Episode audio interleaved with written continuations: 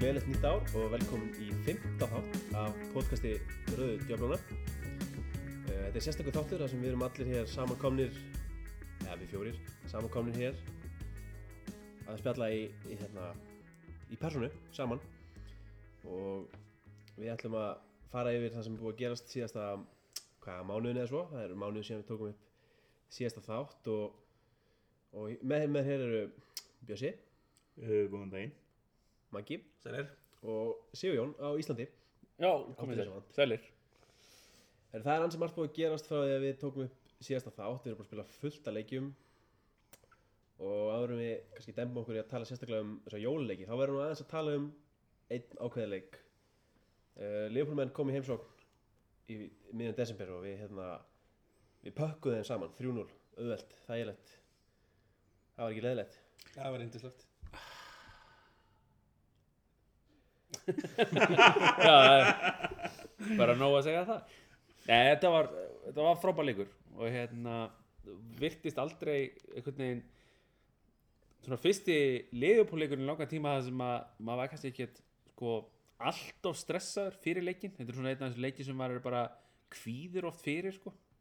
Og hérna það var náttúrulega svona ákveðið meðbyr okkar munum á þessu tímabili og, og liðupól á sama tíma að ströggla sko og hérna þannig að svo opnar sko opnar leikurinn þannig laga hvað eftir 10-12 mínútur eða eitthvað svoleiðis að þá skorar hún í fyrsta marki og eftir það var þetta bara svona nokkuð þægileg sigling sko. Það er náttúrulega stórkostleg stórkostleg upplifun þannig gegn liðupól sko allan að mínum að því Já, mér fannst líka sko að að það var algjörlega með okkur að Brendan Rodgers ákvað að fara út í það bara að taka rosalega sens með að skipta út alveg hérna líkimönnum og það algjörlega klikkaði. Ég held að Brad Jones hafa átt með eitthvað liðlega framistöðu sem hefur séð bara á Old Trafford, þetta var, þetta var bara vandræðilegt þetta var, þetta var ekki eins og í Pepsi-deildastandard þetta var langt fyrir neðan Nei, það venjulega spila menn yfir getu á, þegar að mæta hérna á Old Trafford. Þetta var svolítið, svolítið skrítið leikur þegar Liverpool átti færin en, en, en þau voru nú frekar lélegir að klára þau. En leikurinn hefði kannski getað spilast aðeins öðru sig að þeir hefðu sett eitt af þessum mörkum Já, sko, þeir eru náttúrulega kannski ekkit vaða, sko, hérna, þú veist, þeir áttu fyrsta færi leiksins og hérna, og upp úr því færi rúlar United fram og skorar. Og síðan eftir það þá er svo sem, hérna, á Leopold, jú, fleiri, mun fleiri færi heldur en United.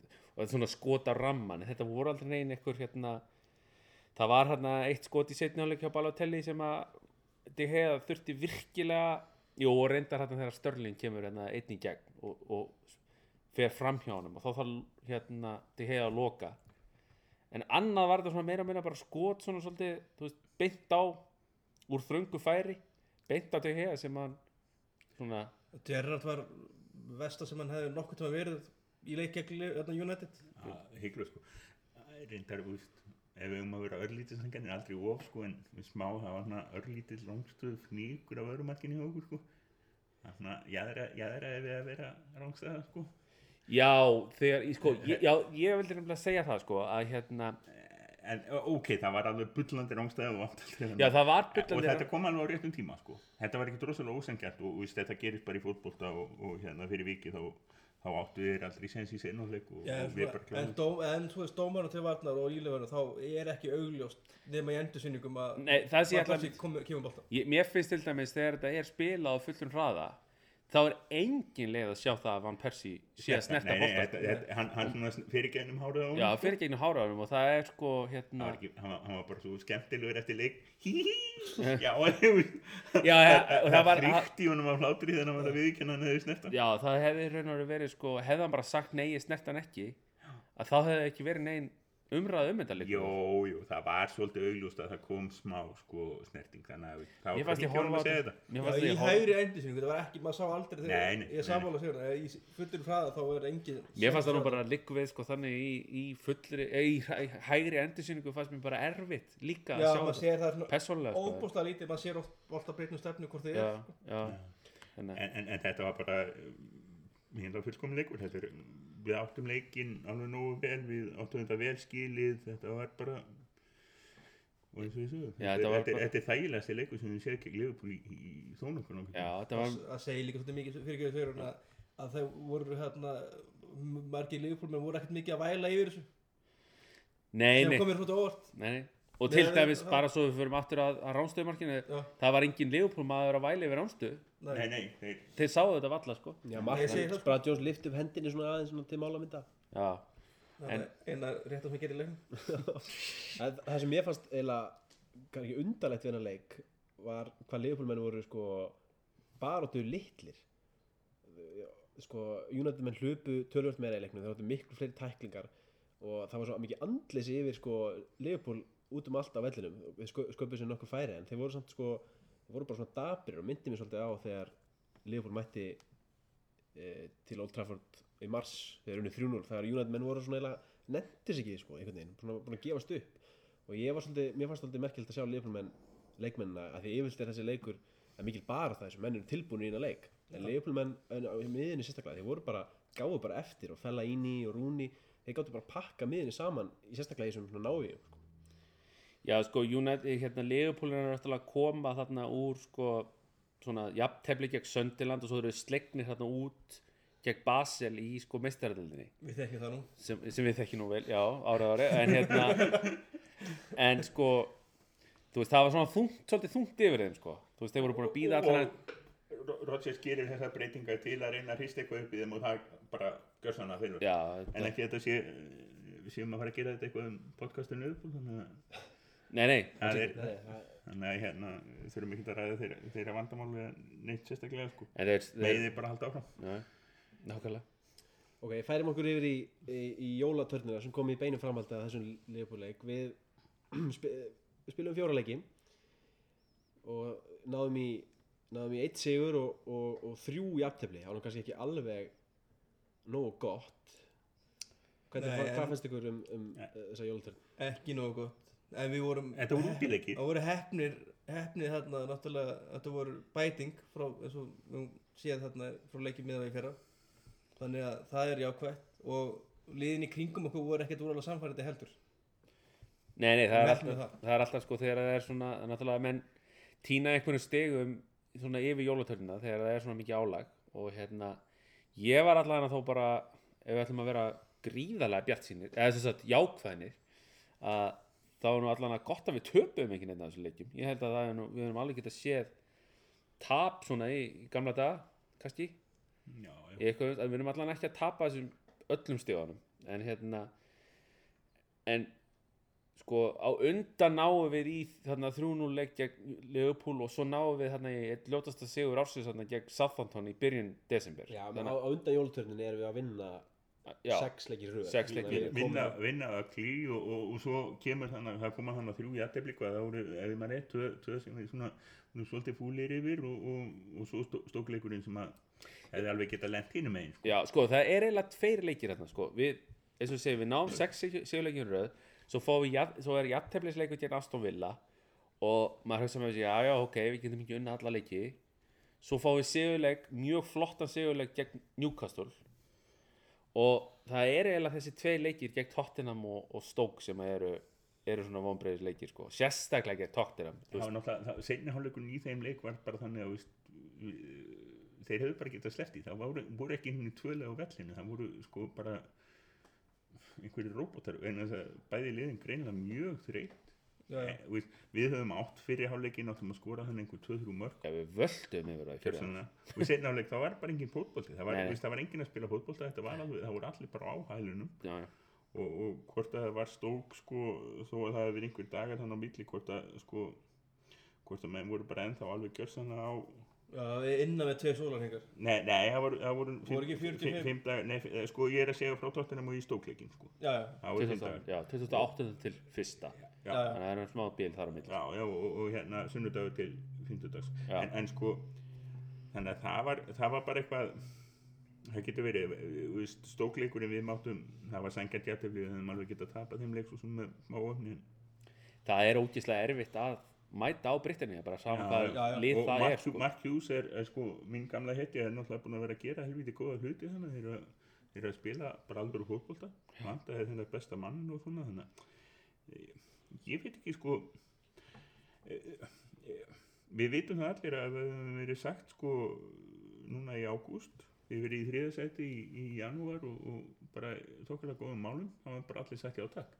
Endilega. Já, já, og hérna það gekk svolítið ítla hann í haust við, við hérna vorum að tapa leikin sem við áttum ekki að tapa og tapa stígum og, gera einhverja bölva að vitleysu og, og almennt standa, standa okkur verð heldur en í fyrra mútið sömu liðum og, og síðan hefur það alveg snúist við. Og við höfum verið að heita fullt af stígum upp á síðkasti sem við mistum að í fyrra. Og ef að það heldur áfram þá náttúrulega verður þetta þriða sætt okkar. Og ég held að, ég held að það hafi ekki nokkur okkar þrátt fyrir, þrátt fyrir að við höfum eitt þannig að hann sé dugulega í nýtlið að, að hérna það var enginn að fara að byggja um að við verum að verða einhverjir meistara sko. Og það er mjög ólíklegt að það verði. Og þó að einhver leikmenn séu að bjart sínir um í viðtölum núna þá held ég að bara að máli sé að konsolitir og, og hérna og taka þriða sætið og, og byggja upp fyrir næsta sísón og ég held að ekkert af þessum leikin sem við séum núna um jólun ekkert af því hefur verið að draga neitt úr því að við eigum að heita þetta þriða sæti Nei, alls ekki. Og sko hérna ég finnst líka sko við eigum núna næsti leikur í gett Southampton sem að verður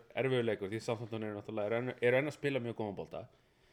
Og til dæmis unnu Arsenal núna um daginn og hérna en síðan eftir það eigum við nú leiki gegn sko Queen's Park Rangers, Leicester Vestam sem við erum að spila yfir getu og svo Burnley og Swansea og Sunderland. Þetta eru leikir sem við eigum að, að hyrra stig. En, en, en sko þetta er dálítið gaman. Við eigum þannig að sko nýju liðin þrjú sem okkur gekk arfa illa með í haust. Spiluðu með mitt í svipræður í törk gegn þeim og held ég fengum sko tvö stig af nýju Já, það voru t- hvað tvö jafntöflu og eitt tap? Unnu QPR unnum QPR en það voru unnum QPR gerði jafntöflu en, en, en sko þannig að þannig að við eigum að heimta nýju stig gegn þessum liðum á, með við það hvað við höfum breytt sko, hvað við höfum breytt hjá okkur síðan.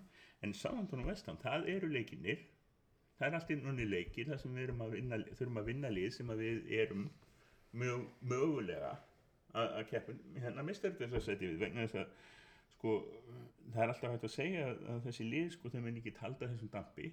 Ekki Vestam ég trúi ekki, já, já, ég, sko sjáðu til ef að við vinnum báða þessa leiki Söðantón og Vestam, þá erum við að kannski að fara að sláða út á læginu ef að við vinnum ekki þessa leiki þá erum við að gefa þessum liðum sko auki sjálfsögust Ég hef, ég hef voða litla trú, ekki alveg sammála með, þess ég er sammála Sigrúni með Vestham. Ég held sko að utan það bara Sam Allardyce hefur enga reynslu því að vera eitthvað vinnar. Hann er, við hefur reynslu því að vera sko fighter og svona, en hann er bara Bjargar. með besta hóp sem hann er okkur sem hann haft í nokkru liði já en þú, þú sér það David Moyes var með besta hóp sem hann nokkuð tíma verið með á síðustu og það fór eins og það en hann, Sjáu er, hann, fór betur á staðina. Sjáu til dæmis sko þe- á leikurinn undan sem Vestam þarf að spila er við Liverpool, svo spilaði við okkur. Svo spilaði við Southampton Tottenham, Crystal Palace Chelsea og Arsenal þannig að þeir eru ekki þeir eru, það er ekki margir leikir. tímabil reyna að klárast þegar þessi leikur er búin já, þegar þessi, le Já, þessi já, törn ok, er við, skulum bara gefa en, en, David En þetta verður erfiður ég, leikur. ég held með þetta, þetta er mjög skemmtileg leikur. já, þetta- þetta er þannig erum við að keppa móti annars vegar liðin sem við virkilega eigum að vinna og hins vegar liðin sem við virkilega þurfum að vinna til að sína við eigum, eigum skili þannig að ef við fáum, ef við fáum einhverja drauma 15 stig út úr þessum fimm leikjum Já. þá erum við bara beinumbrötinu vegna þess að hinn liðin sem að munu keppa við okkur eru líklega Tottenham Arsenal og, og, og, og þannig annar liðið í Liverpool. Já, annar lið er, já, já, akkurat. Hérna, en sko sko Vestam er, það erfiðast við vestarleikin er náttúrulega það að það verður útivelli náttúrulega, og við erum svolítið að ströggla á útivelli. Og það er eiginlega eina sem ég vonast til þess að, að við getum kannski klárað sáþantanleikin vel er að er, hann er á heimavelli sem að hefur verið að sína mjög miklu betri framistuðu sko. Já, Southampton er búin að vera verulega flottir. Um, Heimavöllur versus útivöllur. Við erum með næst besta árangurinn á heimavalli á öllu liðum deildinni. Við erum, ég held ég sjötta sæti yfir uh, útivalla árangurinn Við erum ekkert að spila neitt sérstaklega vel á útivöllum. Uh, Ekki bara, við gerum jafntöfli hérna gegn Villa, Tottenham, Stoke uh, Og við erum að spila, það er alltaf þessi bolti sem við erum að spila á hérna. Og ekki gleyma leiknum í dag bara hreinlega. byggarleiknum í dag sem við vorum nú allir að horfa á að hérna, Já, en, er að spila hérna alltaf þessi bolta á, á, hérna, útivelli og heimavelli. Og heimavelli eru öryggir og þannig að útivelli er, er, er svona næstu eins og hann sé sáttur við stíð.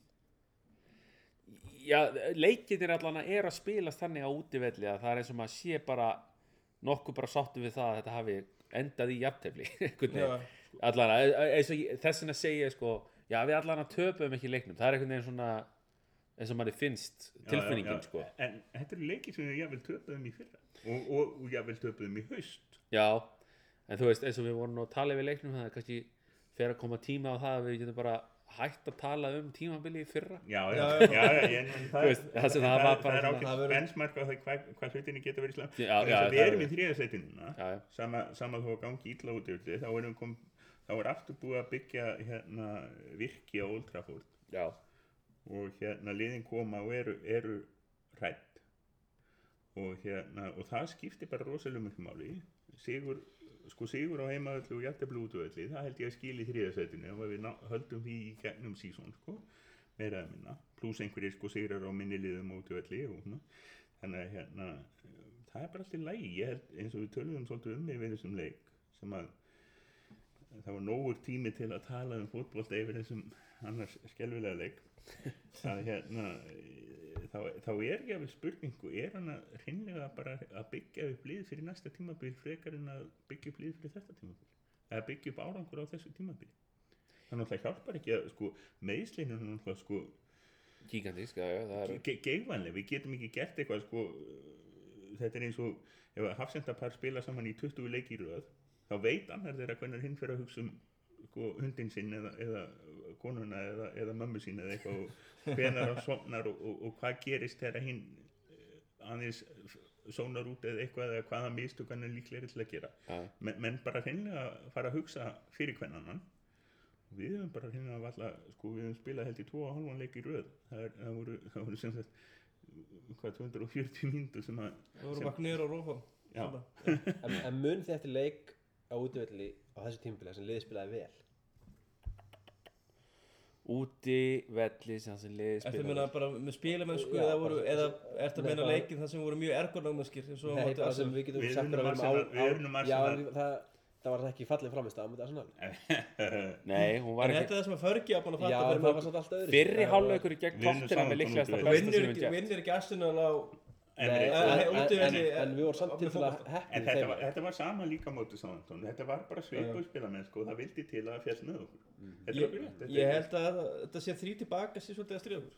Þeir eru ekki í staðan fyrir að vera með tvo miðveri sem er, veit ekki alveg hvað að gera þá verður með þrjá miðveri sem veit ekki alveg hvað að gera. Ég held að fyrri hálfleikurinn gegn tóttina hafi verið besti Já. úti besta spilarbeska sem við höfum sínt á En það, það, og sem, það er með ólíkindum að við höfum ekki náða að geta sett 2-3 mark þar í hálfleik sko. það sem skiptir máli í þessu er, er, er, er að ná að setja fyrsta markið. Á móti Villa lendum við undir, á móti Stók lendum við undir. Já. og ef við náum að setja þetta fyrsta mark þá erum við í bullið ekki í hversu mörg ár höfum við verið að ströggla við það að fá fyrsta marki í andlita á okkur? Og þur, þurfa að elda liðin. Og það var alltaf sko þessi, þetta, það var aldrei vandamál. Það var aldrei vandamál. Það var aldrei stre- var aldrei stressaður. Nei, en núna er það vandamál. Ef við lendum undir já. Þá Ef- er það það strögg. það er samt skára núna en það var. Já, já, ef, ef við svo tölum enn aftur um tímabili fyrra, í fyrra var þetta bara á leikurum búin það var leikunum búinn. Já. Nú, núna ætla að ná um jafntefli. Já, við erum að ná þessu Þannig að- upp í stíl- stílu sem Ei- við ei, getum þannig að þetta er sko ég veit ekki, ég fer bara inn og aftur. Við erum að, Louis van Gaal er að reyna að byggja upp lið og hann hefur bara engan tíma til þess vegna þess að sko allar breytingar sem hann gerir eru, eru forsaðar. Það er, það er sko þetta er, þetta, er, þetta er svo hægt að vera að fyndi vegna við erum að horfa á það, núna er Angel Di Maria kemur inn, skorar glæsilegt mark næstu alveg eins og það sem hann að skora mútið Arsenal. Hérna, Herrera kemur inn í fyrsta leik fyrsta byrjunuleik, skora glæsilegt mark. Uh, Sjó er að fara að sína er að koma inn og Rafael er að fara að koma inn og við lesum það eftir leik að Rafael sé með broti kynbun og Sjó sé með Já, brákakimp er það, var brot? Uh, Það- Bráka, bráka já, er Brákað. er eitthvað sprungur í eitthvað er- hann er, Hann er verið verið ekki bara með eitthvað grímu? Það kemur bara í ljós hvað hvernig það verði en þetta, Þá þetta er getur við bara að spila hvaða manni sem er bara undir gríminu, bara fengi bróður ég held að bróður að sé orðin það lélugur núna. Það er þetta er bara ákveðin vandamál en þau skýrast öll af þessu og við erum bara samt í þriða seti takk fyrir já, ég held sko, like eins og við vorum að tala um sko, ég held að það sem að það er að reyna að sigla þessu skipi í topp fjórir komast aftur inn í meistaradeldina og svo er bara að reyna að ná hérna leikmönnum sem að þeir þurfa eins fljótt og hægt er Já. eftir að tímambili líkur og svo bara fara í massívar æfingabúður yfir sömari þú veist Það er náttúrulega mjög, já Að Þú veist, við gætum ekki- ekki lok- lent í qualifying fyrir Champions League ef, ef við 7-9-13 komist þangað í fjörðustætti já, já. Þannig að það er, ég er að finna en þú veist eins og, eins og ég, við vorum að tala um það það er ekkert nema, þú veist, Copa America er í sumar og þú veist, það eru ekki margir sem að við missum þangað. Já, og mögulega Falcao. Já, Di Maria, ég, og að gleyma því að við varum með Di Maria Við erum með Di Maria, Rocco og Falcao ef við kaupum það já, akkurat, og svo að- Valencia fyrir líka. Valencia fyrir líka og Það mætti alveg bara svona almennt séð fara. En það er önnur umræð já, sko, býða aðeins Bara með það. Verður endur, haldið þið endur svona verið þess Ekki að bara, bara áhorfandi sko er bara á þann Þetta mæti til að horfa. Hann er góður á bekknum. Það er góður á bækum Rafael fer til að horfa. Já, nákvæmlega. Ok, færum okkur í, uh, í leikkerfið Allranda 3-5-2 Frá því að liðið spilaði við Arsenal á útivelli Hefur liðið spilað, nei fyrir ekki, frá því að liðið spilaði við Southampton á útivelli Hefur liðið spilað þessa uppstillingu Í öllum þessum leikjum, þetta eru, eru 6-7 leikir. Sko, hva, hvernig líst ykkur á þetta kerfi? Er, er það, við erum ekki búin að tapa leik Nei. með því. Við erum bara að vinna meir hlutan af leikjunum. Sko ef að Runulur væri hérna með okkur þá myndi hann segja þrótt! Fyrir ekki að Runulur Nei, sko ég veit okkur hann að spila þetta kerfi við vitum okkur hann að spila þetta kerfi það er útskýring á því okkur hann að spila þetta kerfi. Já, þetta er alveg óþólandi hann er leikkerfi ekki með bakverði Það er þetta er alveg, þetta er alveg það. óþólandi leikkerfi.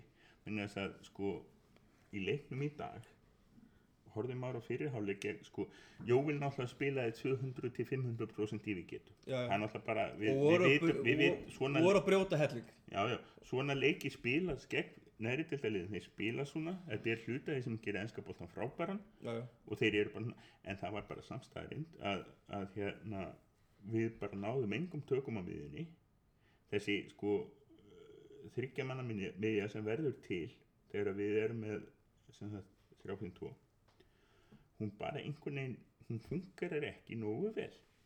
Og hérna og tengingarna við sendirana þeir fengu alltaf sendingu í leiknum þetta er sko þetta virkar nógu ég ég held að við eigum ekki að hafa áhyggjur af þessu leikkerfi það hann hættir að nota þetta þegar hann getur.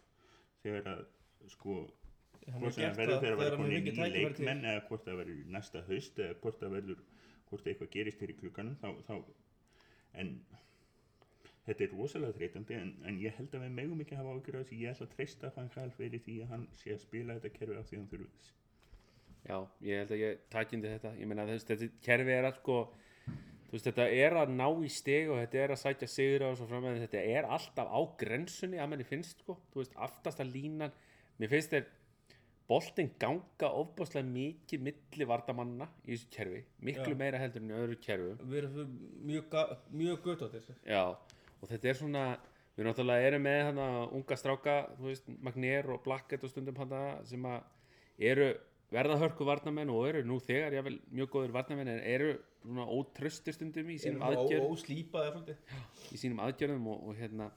En það er eiginlega það sem ég tek mest eftir sko, ég, sko maður sá þetta mikið með Barcelona þegar þeir voru, þeir voru alltaf að spila þryggja manna vörn. Og þeir tegðu alltaf svo ofbáslega á vörninni. Ég sé það virka ágætlega finnst mér, þeir eru að gefa aftur á til hega þá náður að þá, þá hleypur kannski hvort það er Smalling eða Jones eða hver eða Evans, vinnur okkar hleypur alveg niður að endalínunum og það tegir þá þarf, þá þarf sko sóknamaðurinn að hlaupa alveg miklu meira til þess að pressa á boltan Já, já. Og það sko allan aðeins og gekk rosalega vel hjá Barcelona á sínum tíma þreytir anstæðingana Já. miklu, fljót, miklu fyrr. Þannig að sko það er eini svona ljósi punktur sem ég sé við þetta er það að þeir ná að halda boltanum svona temmilega í öftustu línu og sóknin sókn anstæðingana þarf að elda miklu meira. En eru þau ekki að horfa það fyrir ég ætla bara að sýta bara inn í eftir að, að, að taktík væri fín ef við værum þá með þrjá sterkustu varnamenn okkar sem myndi þá vantilega vera Rojo, Jones, Smalling.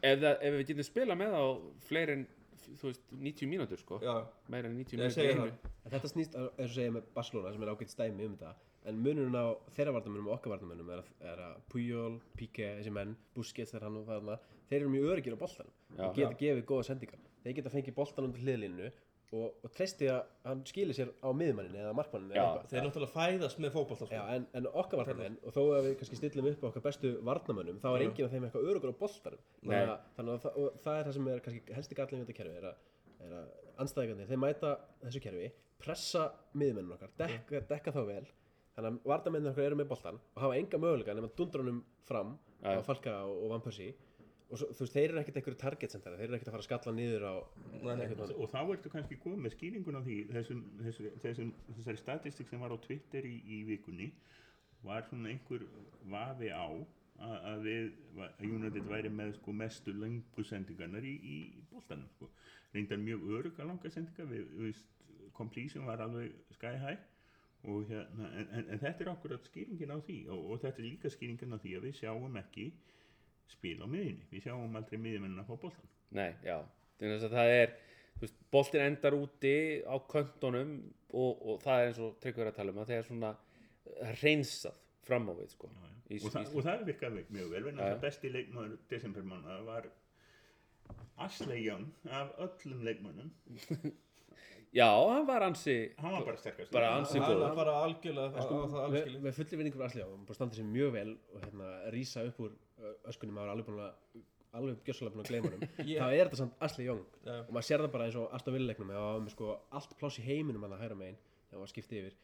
Sendingarnar hjá hann þetta, er- hann er ekki, það er ekki nóg mikil gæði í þessum leikmanni til þess að hérna, Nei, það er þú veist að, ég meina ok, það er alltaf að nota hann hann er, hann er fín mistra meginn sko. Hann er, hann er fýtt þegar ljúksjóð er meitur Já, já, hann er varaskefa, hann er ágætis varaskefa og ég meina, ég myndist á að yfir leiknum í dag að ég hef verið að taka eftir undanferði hversu góðu Gary Neville var ég að gefa fyrir. Já, einmitt. Skilur, það segir ákveðið hérna ákveðinu sögu.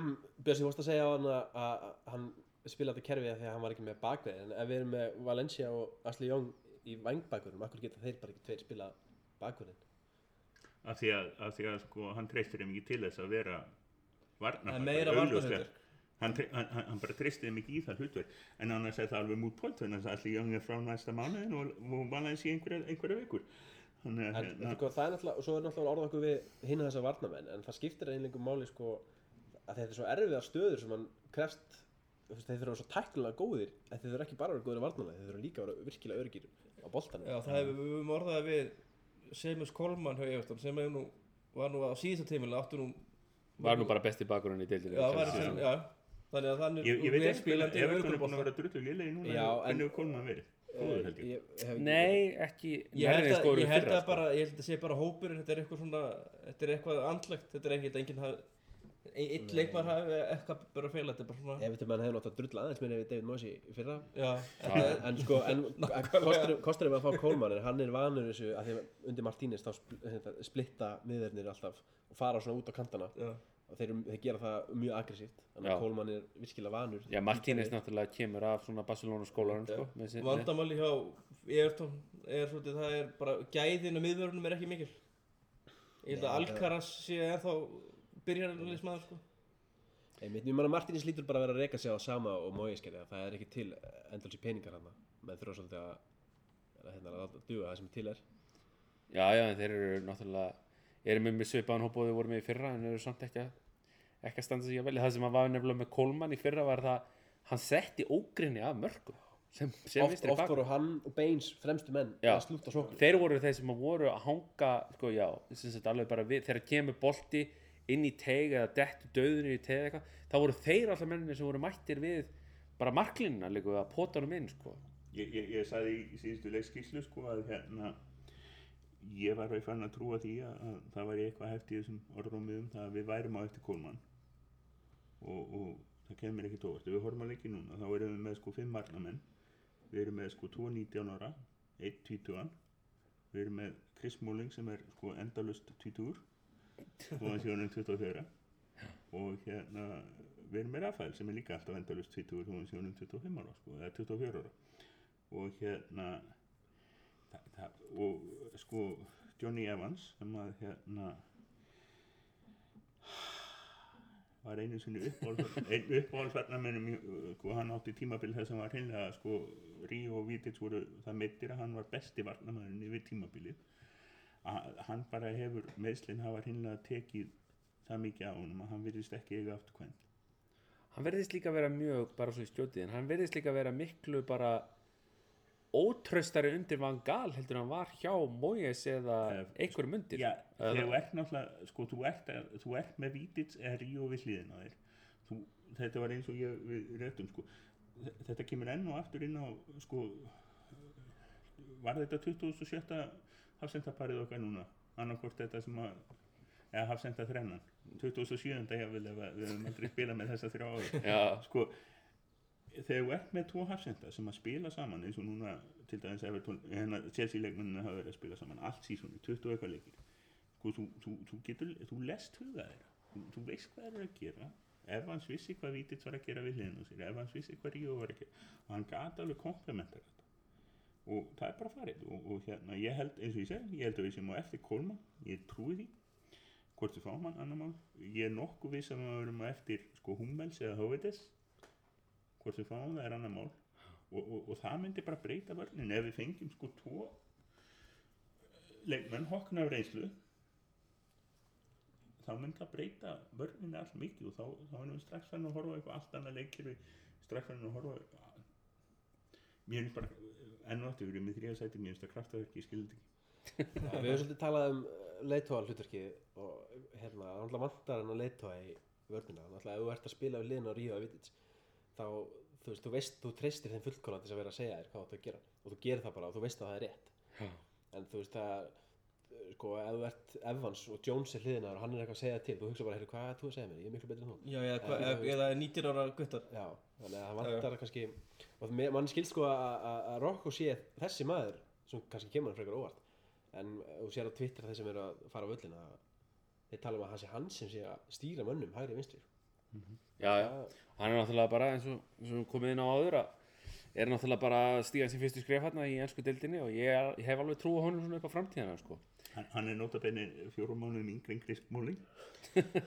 Já, og það er það, sko, og, það, það er líka eitthvað sem að má ekki hérna, líta framhjá þegar, veist, ég veit að við erum allir stoltir af því að United gefur yngri leikmönnum sjens og, og við viljum það sjálfsög og, og hérna, það er eitt af því frábæra við klubbin en það má samt ekki bara sko við getum ekki litið framhjá því að, að sko við vorum allir búin með grunnskóla þegar þessi menn voru að fæða sko, skilur Bjössi náttúrulega var búin með meistaranám í háskóla og, og ekki hvað, en hérna en ég er að segja sko, veist, þetta eru svo svo ungir strákar, allir sem er í vörninni, við höfum alltaf haft sko, þú veist, eitthvað þú veist, Steve Bruce eða Japp Stam eða Vidic, Pallister. eh, Pallister þess að gaura og Jesse getur farið aftur til 1950 okkar til þess að með þetta point, en sko eins og við erum að tala um núna, það vantar þennan þennan pappa ef við getum orðað það þannig, í vörnina sko. ég menna við vorum, ég, sko ég var, ég var að enda við að horfa á í dag sko þáttum hérna Petr Smækkel og þá var Petr Smækkel og hafsendani voru hérna Bruce og þessi menn sko þeir öskruðu svo ákveðnan að þeir hefðu geta sko það hefði eða þeir ætti að virka það þá myndi að sjá lítilli borg fyrir að manni. En, en, en, en sko De Gea hefur reyndar verið að stjórna mjög vel Rokko er að koma inn en, sko Arnarheldin er ekki til. Hún, hún mun vera til, hún, hún kemur sko. Já, já. það er auðvitað það sem að Vangal er að leita eftir núna í, í held ég strax í sumarklugganum ég held jafnvel sko, bara eins og þið segja ef, ef að réttu mennir verða lausir í janúar þá verða þeir kiptir í janúar. En, en aftur, enn og aftur eh, hvað heldur þið um þetta, kenningum minna já eða nei? Fanning Gal er með fókusinn á næsta ár Maggi, Já, ég held að sé allavega að hluta til sko. Sigurðan já, ég held það. Já, ég held að hann sé að reyna bara eins og sé, sigla þessu höfn svona öruga höfn að vera núna. að klára og svo verður- sko. já, Já. svo verður kert á titilinu næsta ári Já, þetta er, þetta er góð kenning. Ok, selt, sel við erum meistar á næsta ári. Næsta sem að tryggvi kemst þegar ég var sammálaður. Nei, við erum nú alltaf samanlega sammála hér til skoðun. Herra, ok, eh, hérna, tölum aðeins um Falka hann hefur nú, hérna, hann er að úr þessum meðslum og hefur nú fengið fínt tækifæri hann í byrjunleginu, hann er ekki búin að byrja sínstu hvað, þrjá, þrjá fjóra leiki. Skora tvö mörg og hérna um, hvernig finnst ykkur þannig staði? Eða er þetta 40 minnum pundar maður, eða að splæsi hann bara sem fyrst? ekki núna. Talaðu með aftur í april Sko, ég hef verið bara í fullri vinnu við það að, bakka upp Falcao á Twitter hjá mönnum sem hafa verið að skjóta niður alveg hægri vinstri hvað er þessi maður að gera þú veist, akkur er hann svona, svona dýr við erum að borga hann svona mikið og hann er ekki að sína eitt ok, fyrsta lagi er það Suður Ameríku leikmaður sem er að koma inn í ennsku dildina það, bara það sá punktur þú veist, menn þurfa svolítið aðlögur að tíma til þess að sko, hérna, aðlagast þessu hörkunni og hraðanum og allt þetta í ennsku dildinni. Númer tvö, hann er að koma út úr brjáluðum hnjömeslu og hann er ekki komin með sama hraðan af þeim, hann er ekki komin með sama touch sem hann var með, þetta er alltaf skrýða saman og því meira sem hann farið að spila því fljótari verður hann á þennan enda punkt sem að hann var á þennan að meittist ef hann kemst þar fyrir vorið, mér er alveg sama þá hann rökk í gang sko 22. apríl. Skilur, ef hann fer að sína þá það, hinn eina sanna Falcao og er að fara að sko, hérna, negla mörkunum bara, þú veist, ég skal bara taka lán fyrir honum sko. veist það er talað um hvað 35 miljónir bunda Já, er, það- er það ekki samt, er það ekki eitthvað nær 40 eða? Ég- ég- 35, 40 Já, ég það skiptir það ekki máli. þá erum við að kaupa etableina að við erum, þú veist að hann verður búinn að jafna sig. Og veist, eins og þú segir, ef hann kemur, kemst einhver staðin nála þessum stað þá er hann búinn að jafna sig, þá er hann búinn að venja stænska ekki, Ef ég væri að ganga núna að borðinu ekki mannsturinn ádáðandi heldur bara, þú veist, svona hlutlaus eitthvað speitingur, sko þá myndi ég segja eins og hann að spila akkurat núna í dag, nei, þú veist, þá er hann ekki peningana verði en við vitum öll hvað hann hefur gert þú veist, hann slútaði Chelsea bara sjálfur skilur 70 mínútum eitthvað svo Já, og þú veist, hann hefur gert alla þessar hluti hann er búin að sko, stat, statsið segir að maðurinn er 100 miljón pundina verði sko. Algjörlega, ég meina, þ- á þjóð og svo ekki Kólumbíu þegar komið ljósa neyri ekki með að HM. ég var í Kolumbíu, by the way þegar hann mittist fyrir HM dagan og undan var, var ég að fletta í gegnum sjónastöður ég var að fara að sofa og það voru heilu þættinni bara að sína mörk með Falcao Það var svona að vera dáin. Nei sko, það var áður en hann mittist veist, og hérna, þeir voru að sína bara ég voru hitu fyrir HM það var ekki að vera að sína hérna, mörkin hjá James eða, nei- eða, einhverjum öðrum hérna, Suður Ameríku búa eða, Þeir hefur slegið bass- brassan út með hann í liður held ég. já, ef, hann ekki meðist þá hefði þetta verið mun betri held ég árangur hjá, hjá Kolumbíu Hann er líka að spila Hann er ekki að spila svo 40 miljón pöðum maður En hann er að spila nokkuð vel Hann er að berjast til fyrir lið Hann er að koma sér í góð færi Hann er að spila, heldur- er hann að spila betur fyrir Danny Welbeck? Svona það er kannski, nær, þetta er hann að kemur, kemur ekki staðin fyrir hann eða það Hann spila alltaf engin betur en Danny Welbeck sko. hérna. Já, maður gleyma Welbeck Já, hann fór já. Sko ég, ég sagði nú hérna á Twitter á þess að hugsa alveg til enda. Ég sagði að Falcao væri að berjast ég hef ekki séð svona barning hjá eða svona vinslu hjá sóknamanni hjá United lengi og hafði ekki hugsað um Velbeck Velbeck var frábær í því að, að, hérna, að berjast. Minnum hann svolítið á Tevez. En hvað kom það sko hver- að hver- hver er koma svo lítið úr baráttunni hjá Welbeck fannst mér? Sko Velbeck var alltaf já, Það var að reyna eitthvað en það var eitthvað en það skila ekki neina. sko mér fannst munurinn helst vera sá að Velbeck var miklu meira í að hlaupa. Já, sko hann var að hlaupa skap, sko reyna að skapa sér færi með því að hlaupin í eyður.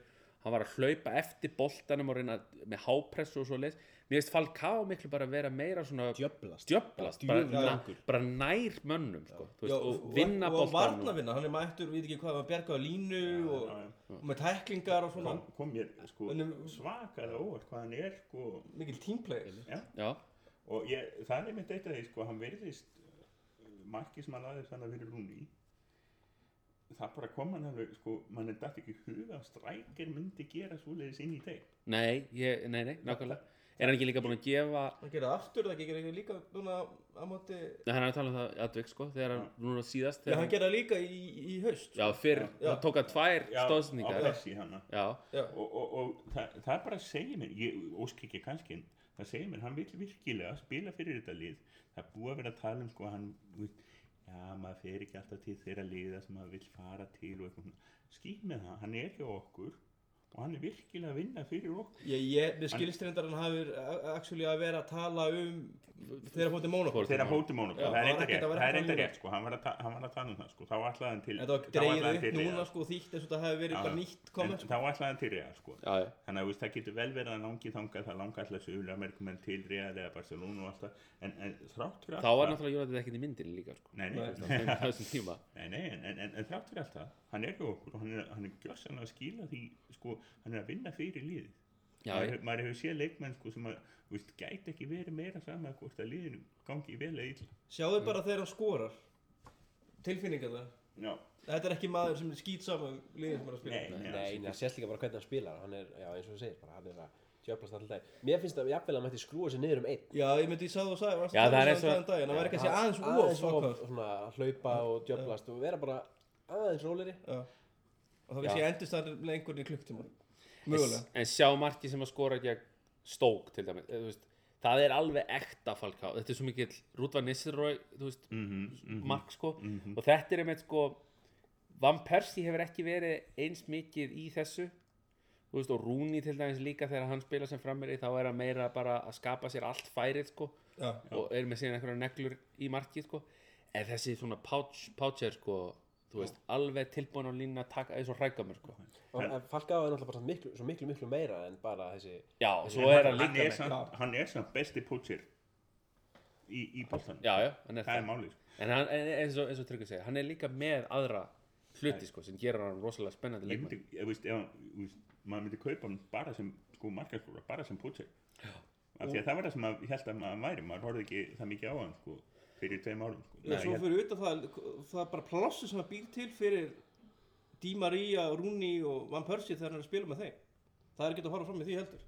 Það er svona þú, En það er það sem gerist, þú ert með sko, fjóra, svona menn sko. Já. Þú getur ekki dekka nema þeim. Nei, náttúrulega. Ég heldur sem búin að tala okkur upp í það að kaupa bara á stundinni. Já, ég, ef, við við ég að, við taka ákvörðun þá myndi ég velja já. en, en við þurfum ekki að taka ákvörðun. Nei, kannski sko, meðist hann aftur eða eitthvað og, þú veist, og það verður ekkert úr þessu og, og kannski skorta hann 20 mörg í vor og, og, og well done Sigurum, þú fer í bankan á morgun. Já, já, ég tek, lán. ég tek lán. Vantar ábyrðamann. mynd, mynd görfilán til Arjón banka með Já, ok. Um, Sko, við- við tölum að um hérna Janusæ sem kom inn á gegn uh, Stók eftir langa mæði. Já, og hann var nú eh, bara næst í tekin að lífi á Twitter eftir leikinn. Var hann svona gjörsamlega glataður í þessum leik? já, hann er hann var bara. týndur sko, hann er með second season syndrom hann er sko ef við hefðum ekki keift sko Di Maria og Falcao þá væri náttúrulega Janús að hefðum verið að spila sko já, já, alveg mökk af leikjum.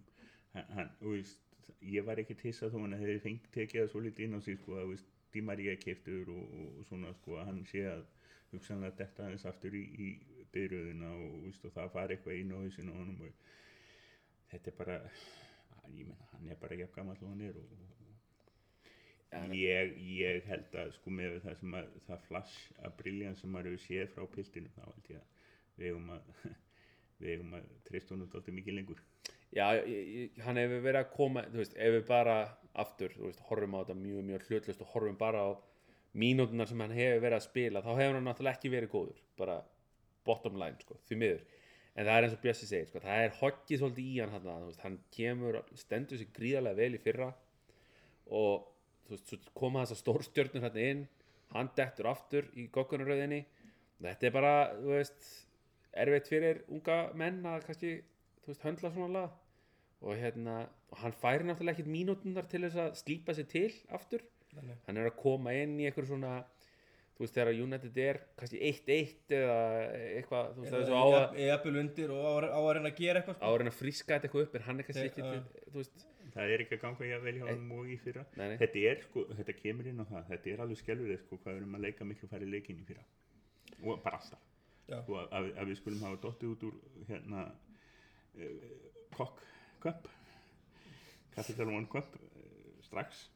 Já, að, við höfum enga sko Evrópuleiki ekki einu svona meaningless sko lokaleiki í riðlum og hérna Eða ekki og í Europa League ekki einu svona Europaleik sko.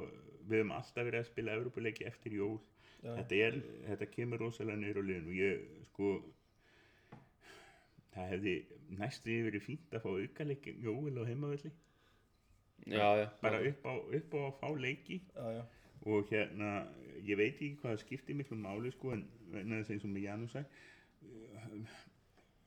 sko það sem var einni hétt varalið sko þegar menn voru að spila henni í gamla daga með sko 11 menn og einn var, varamann sko þá voru varalið þá voru það alltaf sko menn sem voru næstu á leiðin í hópin og allir sko sem komið tilbaka úr meðslum þeir spila í varalið og nú er, nú er það þannig að það er eitthvað undir 21 ástil þá var bara komin allt í einu mánuður þar sem var ekki spilaður einn einasta leikur af í þeirri dild þannig að það er ekkert sko af leikjum.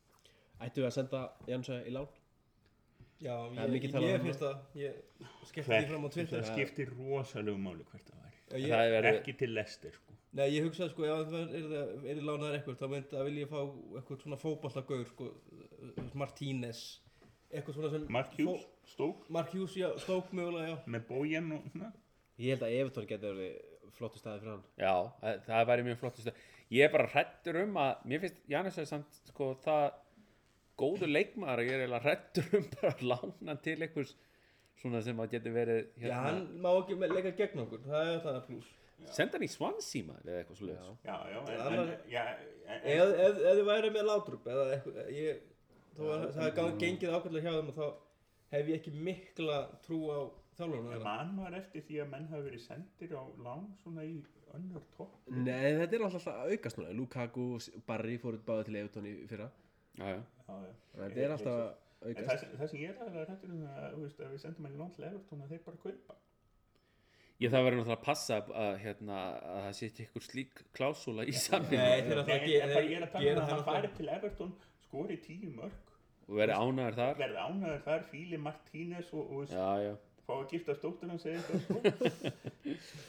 Ja, en sko, fyrir mér er uh, hérna Hvernig var að senda bara til það það Ha. við. Ég held samt að það um hefði það. bara verið eitthvað spekulation hjá ákveðnum blaðamanni sem skrifaði svona álitsgreinum að það var nú rosa fínt ef Moyes geti, geti svona nota skömmul sambönd og fengi hann, fengi, það var rosa fínt fyrir hann að fá í ansæ og þetta var bara Hvernig virkar það? Getum við sendt menn í lán í janúar til annar það að Já, já, já. Já. Ok. En þ- þetta við þess að Jansson spekulation til Moyes það var bara held ég svona pjúra Spekulation. já, sko, og svo fóru hinn blöðina hérna, herru, Jansson til Moyes það Það er er, er svolítið gangurinn á þessum Það er að geða minni, minni kröfur til sannvegskildis í, heldur en öðrum. Moyes vill hins vegar eins og endilega fá Gerrard upp á segmanni sinn. Já, það, Já, það er náttúrulega upplægi í Evertón maður þannig að þeir hafa eitthvað saman megum við minnast á það að, hérna, að besti leikmaður Premiership ever að mati Brendan Rodgers komst ekki í best Premiership 11 hjá Brendan Rodgers fyrir Já, tveimur árum. það, við þurfum nú ekki eins og að minnast á það Það er bara Er það ekki bara típisku saga- Brenda Rodgers Það hann segir sér sjálft. Hann er svona, svona, svona David Brent is, ismannum hjá hann Hann væri ágættur ef hann þætti sjálf, hann sjálfur ekki vera svona opbúslega klár. Herra, við skulum ekki reyna Já. til og mikið til reyði hérna. Fyrir ekki ekki svona ef þú ert að hlusta.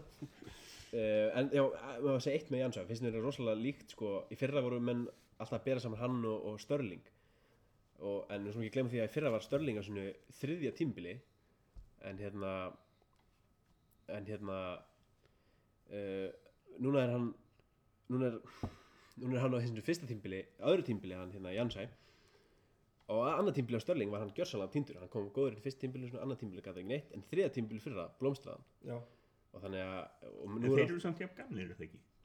ég minnur ekki einu áraðin Man ekki hvernig það var. ég held að það sé nú bara svo en sko að Störling er með miklu meir reynslu þetta er Jansson í sérst boltanum. Hann þurfti náttúrulega bara að spila meira Það. Var bara, þeir neittust til að spila svo mikið. Já, það var eins og með United fyrir þeir neittust til að spila Janus Já. en að það var engin annar að gera nokkuð skapaðan hlut. Nei. Og, en eins og núna þú veist, En var hann góður fyrirpartina, var, hann, var, hann var ekkert góður allt tímambili Það var, var það ekki bara nokkur leikir um höstið nei, nei, hann var svona nokkuð Ég, já, hann, var, hann ég er kom búin að reyna að gleyma síðan Já, en sko Liverpool blómstraði virkilega eftir árum þeir voru alveg þokkalegir fyrir hérna, árum en eftir árum tóku þeir eitthvað tíu leikir í röð eða eitthvað. eins og mér Janus sagði, hann sko kom inn þannig að bara sem Já, já. fesku vindur og skoraði tvö mörk hérna og ég- hvað, Southampton og. Sunderland var það já og svo framvegis. En hann held samt svona dampi sko, svolítið. Hann var langt mest spennandi leikmaðurinn í fyrra, klárlega en svo eins og segi, hann dettur út núna og það er vonandi kannski að það finnist Ég held líka að menn sé að vinna mjög mikið með hann baku tjöldin sko. já, já, það getur verið, það er hann, ímest hann þarf aðeins að buffa sig sko. Upp Já, já, og svo er hann líka svona og vera ákvarða duglegur að losa boltan líka á, já, nákvæmlega. Það er alltaf auka snerting. Það er ákvarðartökunar í þe- þeim efnu sem að er svona svolítið þarf að slípa hann meira til. Ég held Og hann að getur samt er orðið góður fyrir það, ég bara- meina, það það er var náttúrulega klassíst eh, Það var Portugal í- hjá okkur. Ungur Po- Portugali sem að þurfti alltaf að snerta boltan aðeins og mikið. Það rættum svona ágætlega úr honum. Já, En þetta, þetta er bara klassísk sko, hann vil, sína sig, hann vil sanna sig og, og, veist, og þá er hann ég er með boltan, ég ætla að gera eitthvað æðislegt við boltan og, og, svo endar það og Ég held ekki bara þetta svona smáðu falsk og hann vil gera tí, helst tíu mismundi góða hluti í sömu sóknum það er nú eitt leikmaður líka frá Portugal sem að þetta rjáttlaðist aldrei af honum. Hann heiti Nani. Já, En við send, hann er Þetta er, gengur upp í hann í Portugal. Sáðu markið sem hann skoraði í síðasta leikninu í mestarleitinni ég sá Það var hann líka. nanilegasta mark í heimi. Hann sólaði sjö, átti þrjú skot áður að náða Já, já, jú, jú, ég sá það jú, jú. það er rétt. Ok, tölum aðeins um árum við Það var, var, hann var eins og eitthvað svona krakki sem var að hamast að skottakar með FIFA. Ok, tölum aðeins um leikmannglögan sem opnaði núna á nýjastak Erum við að fara að styrkja liðið eitthvað í januar? Það Já. búið að orða okkur við, eins og gengur að gerist bara við alla leikmenn. Við, Það er náttúrulega usual suspect sem erum við orðað við Það er náttúrulega er Snyder sem að það mun bara aldrei deyja. Nei, ég er ekkert búin að sjá neitt. Nei, ég er er, er búinn að sjá um ég held að það mun aldrei hverfa fyrir að hann er, la, verið látin sko, Þá verður það hann verður þjálfari og það verður orðað við okkur sem þjálfari. Og, en svo er náttúrulega búin að orða okkur verið eitthvað búin beint að orða okkur en það hefur verið ykkur orðrumur um að víti það náttúrulega er bara algjörlega dottin út reyndir hann fær ekki Já, að er spila það mjög lélur þar. Endilega fáum lélega varnamann Það er eitthvað svona, það er bakverði hjá Juventus reynda, reynda mega eindir við það þeir eru bara lélegir til að byrja með sko. þetta er eitt lélegasta indilið bara í mörg ár. Já, það er búið að ekki, og þetta er ekkert eitthvað skot á stjórnuna er engin dul stjórnutjók en Nei, þetta er slappasta indilið núna og í fyrra. Þetta er lélegasta indilið sem ég bara nokkuð til að sé en Ítali er bara ámænt slöpp núna. Það er bara ítalsku liðin eru slöpp. Með þess að Juve sem að náttúrulega ábar það deilt og þegar kemur á mestrardeildina þá eitthvað með náðu þeir ekki, Við komumst ekki áfram á síðast tímbli nei, duttu út á mæti, töpuð á mæti Galatasaray. En svo við snúum okkur aftur á gluggarum ég meina, Það sem að snættir áttu stórleik bara svo, herðu, Maggi glemt þessi með Snæder sko, hérna ef það verið fyrir fjórum árum þá var ég til í að fá hann, en ekki í dag.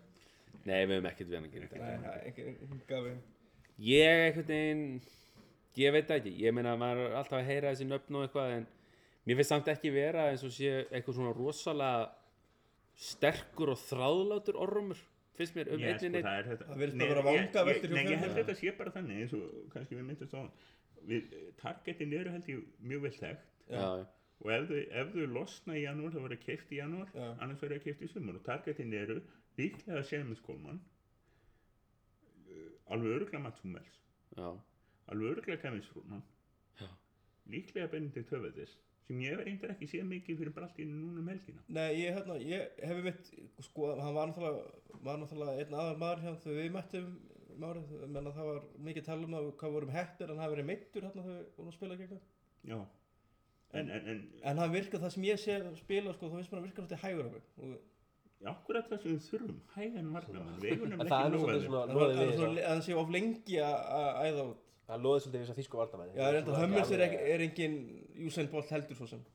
Nei, nei. En það er eins og ég hef hvert undan, sko, hver síðan en að... en, en hann er engin mertasakir fyrir ykkur Nei, er ég, ekki ætla ég ætla að segja það, sko, það er eins og, sko, púljan af, af, af tokklesa hafsendum sem eru hugsanlega, eru ekki nú þegar hjá einhverju bestu liði í heimi. Já, Það er Mats Hummels. Sko, og svo er orða okkur, það er búið að orða okkur við alla þrjá hafsendana hjá Real Madrid. trekk í trekk Peper, eh, Ramos og, og, og hérna var henni og eina ástæði fyrir því, sko mér þetta ég hafi líklega að þeir seldu okkur Pepe eða Ramos til að losa um fyrir Varane. Að Varane- sé ekki að spila í liðinu núna. Sem er ól, með ólíkindum finnst mér. Að hann skul ekki komast inn í að það, það er það, það er bara eins og við höfum séð sko maður þeir eru með, vörð sem virkar, Við- þá ertu ekkert að breyta nei, þetta nei, og, og þeir sjá hvað er að gerast á, á æfingavellinum meira heldur en og, En og, þetta sem að Bjössi segir er mjög rétt að þetta er það sama Real gerði þegar losu sem við Di Maria til að gera pláss fyrir Bale þannig að þeir taka skrýtnar ákvarðanir svona og eru að losa sig við þannig að þetta er ekkert galið.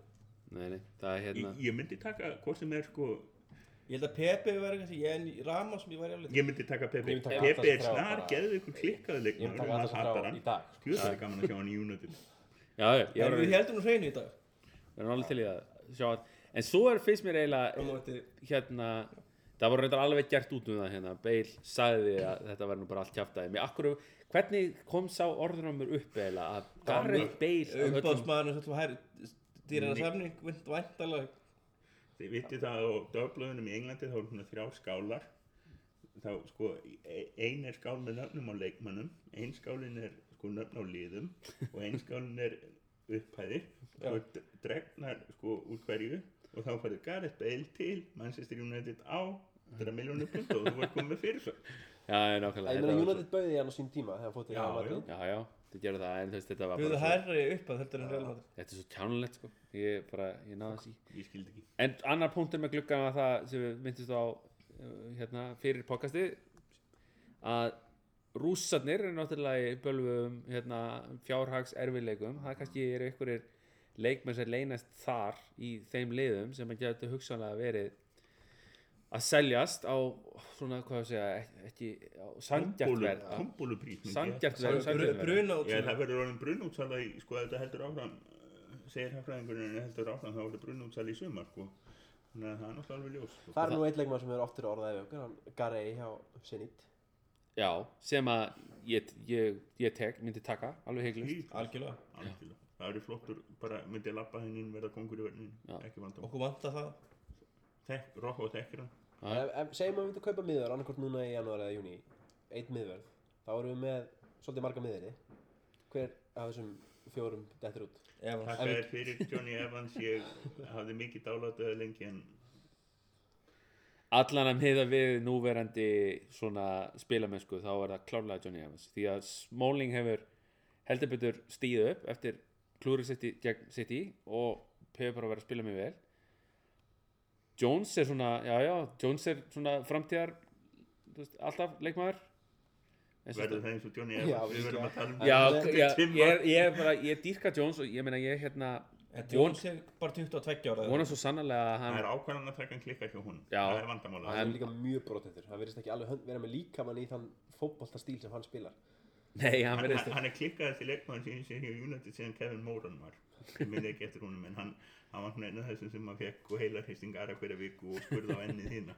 En þú veist, hann er, sko, vildi óska að hann, ég sé hann geta orðið, skilur, svona John Terry varnamaður fyrir Manchester United, en hann er eins og segja, hann, er, hann þarf að slípa sig heldur betur meira til. Kannski af því að hann þarf bara að gara vel hliðin á sig. Já, það er spurning, það er hvað, hvað er spurning, en Það þannig að, er já, náttúrulega óöryggi í vörninni þannig að menn eru kannski að taka skriktnar ákvarður af því að þeir eru skítrættið að fá boltan já, aftur, Einu galli sem ég finnst við Smalling er að hann er búin að standa sig ágætlega í vörninni en hann er rosalega dabur í að koma boltana frá sér. Já, já. Sáum það bara í fyrra þegar hann var í hægri bakverðinu þá við sjáum ekkert hvað hann það gera við boltan og hann er, mikið, hann er svona eiginlega mjög mikið í því að dundra boltan í burtu þegar hann lendir í vandræðum. Og að var mótið tóttanleiknum þá hérna dundra hann einmitt boltan í burtu og þá var súmaðin á Van Gaal og hann hristi bara hausinn. Já, en sáðu líka um daginn einmitt, var ekki ykkur leika, ég maður ekki hvað leikur var þegar að Johnny Evans er inn í einhverju setningu, boltið fyrir beint út af og hann er strax tekin út af. Já, en sko, um, um Johnny Evans, hann átti þetta tímbil, hann var til 2011 þegar hann var bara virkilega góður En hann Þá- var bara besti hafsending. þá var hann einmitt mikið í því að gefa svona langar þversendingar og sem spilaði bara leik, þvæl- spilaði í bakverð, einhvern, vinstri bakverð einhvern leik. hann, og- hann, veist, hann er með þetta svona, hann er góður að senda boltan og var hann var með rosalega staðsetningar einu sinni. Ég man eftir því, sko. Það voru staðsetningar Hann á- þegar hann voru alltaf, allt einmitt ammali, hvað var í gær Já, ég var bara að hissa að sjá að hann væri 27 ára. Maður- fyrir mér er- hann er eitthvað bara ennþá 22 efnilegur. ára Já, já. Og þetta, sko, Smalling er að lendi í þessu, hann er að falla, hann fer að falla á tíma, sko. Hann er, hann er, sko, hann, hann er, hann er orðin 25 ára. við erum kannski alltaf að reynda að býða eftir að þessi menn verði einhverjum heimsklassa miðurinn en Nei, En, sko- en, en, þú það, sko. þarft ekki að hafa alla heims þú þarft kannski einn heimsklass og þú þarftu Nei, en, en, sko, teamplayera líka. Við erum, við erum alltaf inn að horfa á það, sko, við erum ekki bara, við erum með, sko, sjö hafsenda, við erum með, sko, og höfum þurft að nota það alltaf, við erum með Evans, Smalling og Jones, þessi ennsku, sko, eða bresku þrenning okkar, við erum komin með Marcus Rocco, við, og við erum komin með, sko, Blackett og McNair, sem að við höfum dáða trú á. Já, þeir, já. þeir eru báðir, sko, þeir eru 19 og 20 ára. Og hérna og, og svo erum við með sko Will Keane sem hún var að standa sig ákveðlega í láni hjá börnunni Já, típur nei, nei, fyrir ekki Michael Keane. Jú, eða ekki? Michael Keane. Jú, Will Keane er Will Keane er hans og, og er center. Og hérna og, og við erum bara sko Evans er á leiðin út ef við fáum hérna einhvern mann og Smalling er á leiðin út ef að, ef að einn af þessum þremur það er að segja hérna Vilkin, Blackett eða Magni er virkilega stendur sig það þarf ekkert mikið til að slá Smalling út sko. það er bara Nei. Nei, nei, það, það- nei, nei, það er rétt sko. Sérstaklega við erum alltaf með Blackett og Magnir sem eru, þó þeir hafa staðis ákveðlega, þeir eru náttúrulega óskriða blað, þeir, þeir getur verið mjög góður, en þeir getur líka bara enda í ég, ég hef þessi leiki með þeim þar sem ég bara verið rosalega hrifin og místökin sem ég gera mér gæti stundum ekki verið meira saman ég hef, ég hef svakalega trúið um bara Nei, veit, náttúrulega eru, náttúrulega þeir eru miða við að varnarmenn eru ofta að eiga sem bestu tímbil upp á 30 og það er nóg eftir. Já, já, það er nógan tíma. lang, langur vegu framöndan sko, hjá þeim. Þannig að það er ekkert svo sem Það er vonlega stökk að dæma þá núna sko. Þeir eru bara þannig að ég held að það eru einhverja hafsendur á leiðin út frá United og, og það eru örglein á leiðin inn hvað sér ég nú að fara að kaupa Kevin Strútmann Það er, það er já, náttúrulega þráðlætasti orðrómurinn alltaf. Það verður orðað, ef við kaupum hann ekki þá verður hann orðað við okkur alveg þannig til að vangal hættir. Ég sá orðum að byrjaði annan september bara, leiða Já. að gluggi var lokið bara 0-0-0-1 strútmann til í januar. Sko, það sem ég held, ef að Strútmann verið keftur sem er svo sem, svona, ef ég hugsa um það það geti alveg gest það geti alveg gest að Strútmann verið keftur og menn hafa sagt, sko, akkur hvað þurfum við Strútmann núna til dæmis er að miðjan hjá okkur er alveg að fungera vel. Ég held að hann gæti hugsanlega keft Strútmann til þess að færa Danny Blind í annarkot bakvörð annar bakgrunn getur að spila báða. Hann getur spilað báða. út um allt sko. Þetta er spila beðið en þú að veist, spila. ég held að, ég held að það, getur verið hugmynd. Ég held að það nefnilega sko, það sé hugsanlega kannski hann er náttúrulega alveg Já, rosalega ég, hrifinn af svo náttúrulega Michael Carrick Já. er náttúrulega að vera 34 ára Já.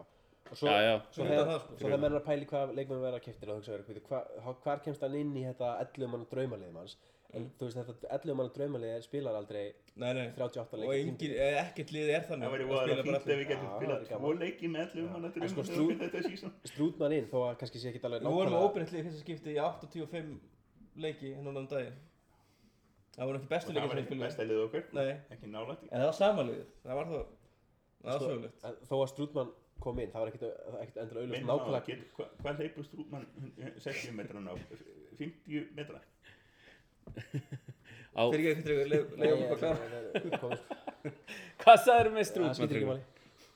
Nei, hvað segir þú? Það var Nei, Strútmann sko, þó komin hann kom ekki það var ekki auðvitað nákvæmlega hvað hann kom inn þá menna gefur hann okkur fárlega góða option á miðunni með öll þessum miðumenn sem eru með Já, hann, ég minna, hann er Margar- betri en margar falla blöndur, inn í til dæmis Ég meina, ég vingu fella inn í og baráttinu sem hann er búin að sína Já, mér finnst nú bara að takmarkaður. hafa, miðjan hjá United hafi svona droppað svolítið eftir að í veiðist sko. Já, ég sak, maður sakna sem þetta stók að vak- sakna hans, hans svona styrkleika hans hann gegn stók já og, og hérna og í leiknum á undan stók Tottenham já, Svo eigum við blind og karrek saman inni Það er náttúrulega væri eitthvað en ég er alveg Það samlega ekki, ekki hraðast að miðan en ég er samlega trygga, ég held að sko fá strútmann inn það væri alveg það væri þá alveg erum við með svo margar combination af miðumennum sem það væri bara virkað sko. en, en ég ætla að spyrja, vitið hvað hann er fljótur? Kann hann að hlaupa?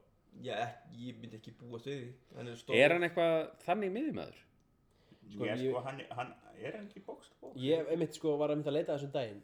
Og það, þú veist það er bara fyrir mér ég er googlaði það og var að leita þessu og það kom upp bara svona mjög misvísandi greinar. Sumar sögðu að hann væri algjör box to box, box minn, hérna miðumæður, sumar sögðu að hann væri ekki sumar sögðu að hann væri djúblíkandi playmaker.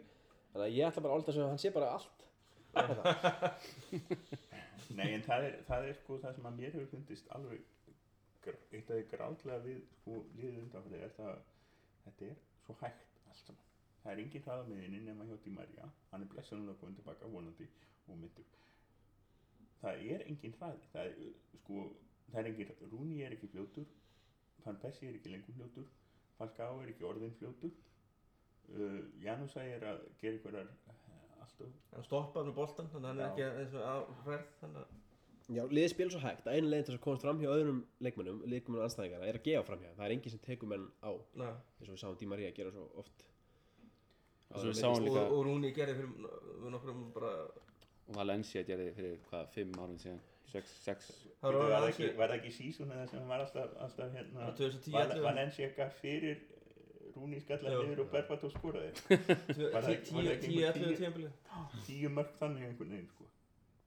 Áðurna fótbrotna En það er náttúrulega ökla brotnaði hérna á móti Rangers heldur örgulega En sko ég held að svona aðalmáli með Strútmann að það væri í raun og veru verið að, að eins og maður gera hérna, myndist á þú veist, Karreg Karrager Karrager meina ég hérna, nei, Karreg eins og Karek er. Karreg hérna sko er að detta á aldur og Strútmann er 24 ára. Þannig að það væri í raun og verið að, að hérna, koma kannski honum inn í liðið á rétti tíumpóti þannig að hann gæti svona aðlagast kannski í liðinu eins og inn í stöðuna hjá Karreg þannig að ég væri svo sem alveg bara til að sjá hann já í United bara, bara út af því sko. Svo við eigum svona backup mann þar sko. Eins og er náttúrulega með Ekki blind sem er, hérna, hörkuleg maður hann er svona allt múlið mann já, hann er John O'Shea. Þessa liðs, sem er alltaf gott að hafa. John- John O'Shea. Ég held að vera John O'Shea hérna með okkur núna. Já, en sko blind er maðurinn sem að okkur sko þegar hann meiðist veist, hann er einmitt held ég rétti maðurinn til að setja inn í þessar stöður til að fylla upp í meðsli sko. Þannig að þegar hann meiðist og og hérna allir hinni meðast líka þá er En náttúrulega hann getur leikandi spila bakvörð, miðvörð og hérna, Miðjumann. á, á þess að sé eitthvað vandræði, sko. já, nefnilega sko. hann meiðist náttúrulega ekki hérna, ekki, hann meiðist með Holland eða ekki það Jú. var ekki landsleik Jú. var það ekki bara einhvern tímann í bara oktober Jú, það var í. 8. En november sko, þessi meðsli verðast vera miklu eh, ekki jafn alvarlega og menn heldur því að hann er allur að koma til. Já, það var- það voru En- sögursöndur að maður myndi bara bera á bekknu núna eða eitthvað næsta leik ég meina ég myndi telja mjög líklegt þá að hann væri komin tilbaka í næsta leik og þá verðum við líka með Di Maria þá verðum við líka með her, hérna Herrera. Uh, ég held ég að vilja fella inn í sig á leiðin tilbaka. Hann var bæði meittur og með brákur rifbein, nei veikur og með brákur já það voru brákuður yfir Fela inn í? já, fela Te- inn í. te- að te- að tekur sem tóllar að vera vekkur þannig að við getum hugsan að Það með vegginn, næstu fullskipaða miðju sko bara gegn sá Já, já, við sögum þetta, við höfum alltaf sagt þetta. Fyrirgefðu, ég jinxaði þetta. Við, að eftir næstu, næstu leiki, þá erum við komið með fullskapað niður. Við vitum alveg að það er ekki Það verður aldrei, það verður alltaf eitthvað sem við bara hella svo lestir. En þeir eru allir að koma núna bara á næstu dögum, svona á innan við viku í raun og veru held ég, hérna, Fellaini, Rocco og, og, og Blind. og svo er, svo er fannig að alveg verðist vera alveg rosalega allt um það að þeir komist í leikform. Að menn fá hreinlega valla að spila hann með 60 mínútu en þess að þeir sé ekki leikformi Já, já, já, já, algjörlega. Ég held að, já, já, það er hérna Blind og Rocco náttúrulega þurfa að koma sér upp í leikform aftur. Sko. Já, menn hann talar um að þeir þurfa að mæta á æfingar, helst að spila heilan varalinsleik áður en þeir fái sjans í í Ég, ég fegin hann ekkert að tróða mönnum bara strax í byrjunlið Það er eitthvað þarna Það Nei, er fröstveikindi, hann er ekkert að fríka út en, en þetta er hluta, í- hann er alltaf að tala um þetta recovery period sko maður, þú veist það var sko ekki eitthvað sem var til þegar ég byrjaði að fylgjast með fótbolta. Nei. en hérna Eitthvað er nú þetta recovery period ekki að virka samt, sko. Já, þá velti fyrir, fyrir þessu hversu mikið þessi meðsli eru Hann náttúrulega hafði aldrei kynst varnamönnum Manchester United. Það Þannig að það, það er algjörlega nýtt koncept. En það er með ólíkindum við að tala um sko, að þjálfur, sé óþjálfur leikmann og það sé þess vegna meðast Van Persie hefur ekkert meðast Allt tímabilið. Ha? já, hann var var- meittur upp aðeins tímabils Var hann hann er á meðsalistanum hann meittist náttúrulega með Hollandi Já, hann, seg, hann var, var ekki, hann, ég, ég held að hann hefði ekki mist af leik en hann, skrá, hann er skráður hann sagðist alltaf eitthvað meittur, hann var alltaf, hann var svona virkaður, maður voru tölum mikið um það. hann, hann, hann er skráður meittur á, á fysjórum hann var á listanum sem ég Já. sá en hann misti ekki úr leik Nei, hann sagðist aldrei vera meittur. Já. Það sagðist að vera bara he- heill. Já, þetta er eitthvað Þannig að, hann er hann eða fissjur um að ljúga það okkur. Þetta er mjög dyrfullt mál. En hann spilaði eins og væri ekki alveg heill. Þannig að maður sá það alveg. Nei, nei, herðu, En, tölum við það meira.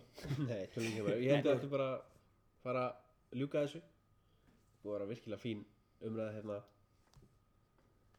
Um, Það eru fullt að leikja framöndan og við verðum bara á ferðinni. Við höfum tekið mánuð á milli hérna, segjum að það sé ekki bara það sé ekki bara svo tími sem við stefnum á hérna, og verðum vondi fleiri með ykkur næst. Komið til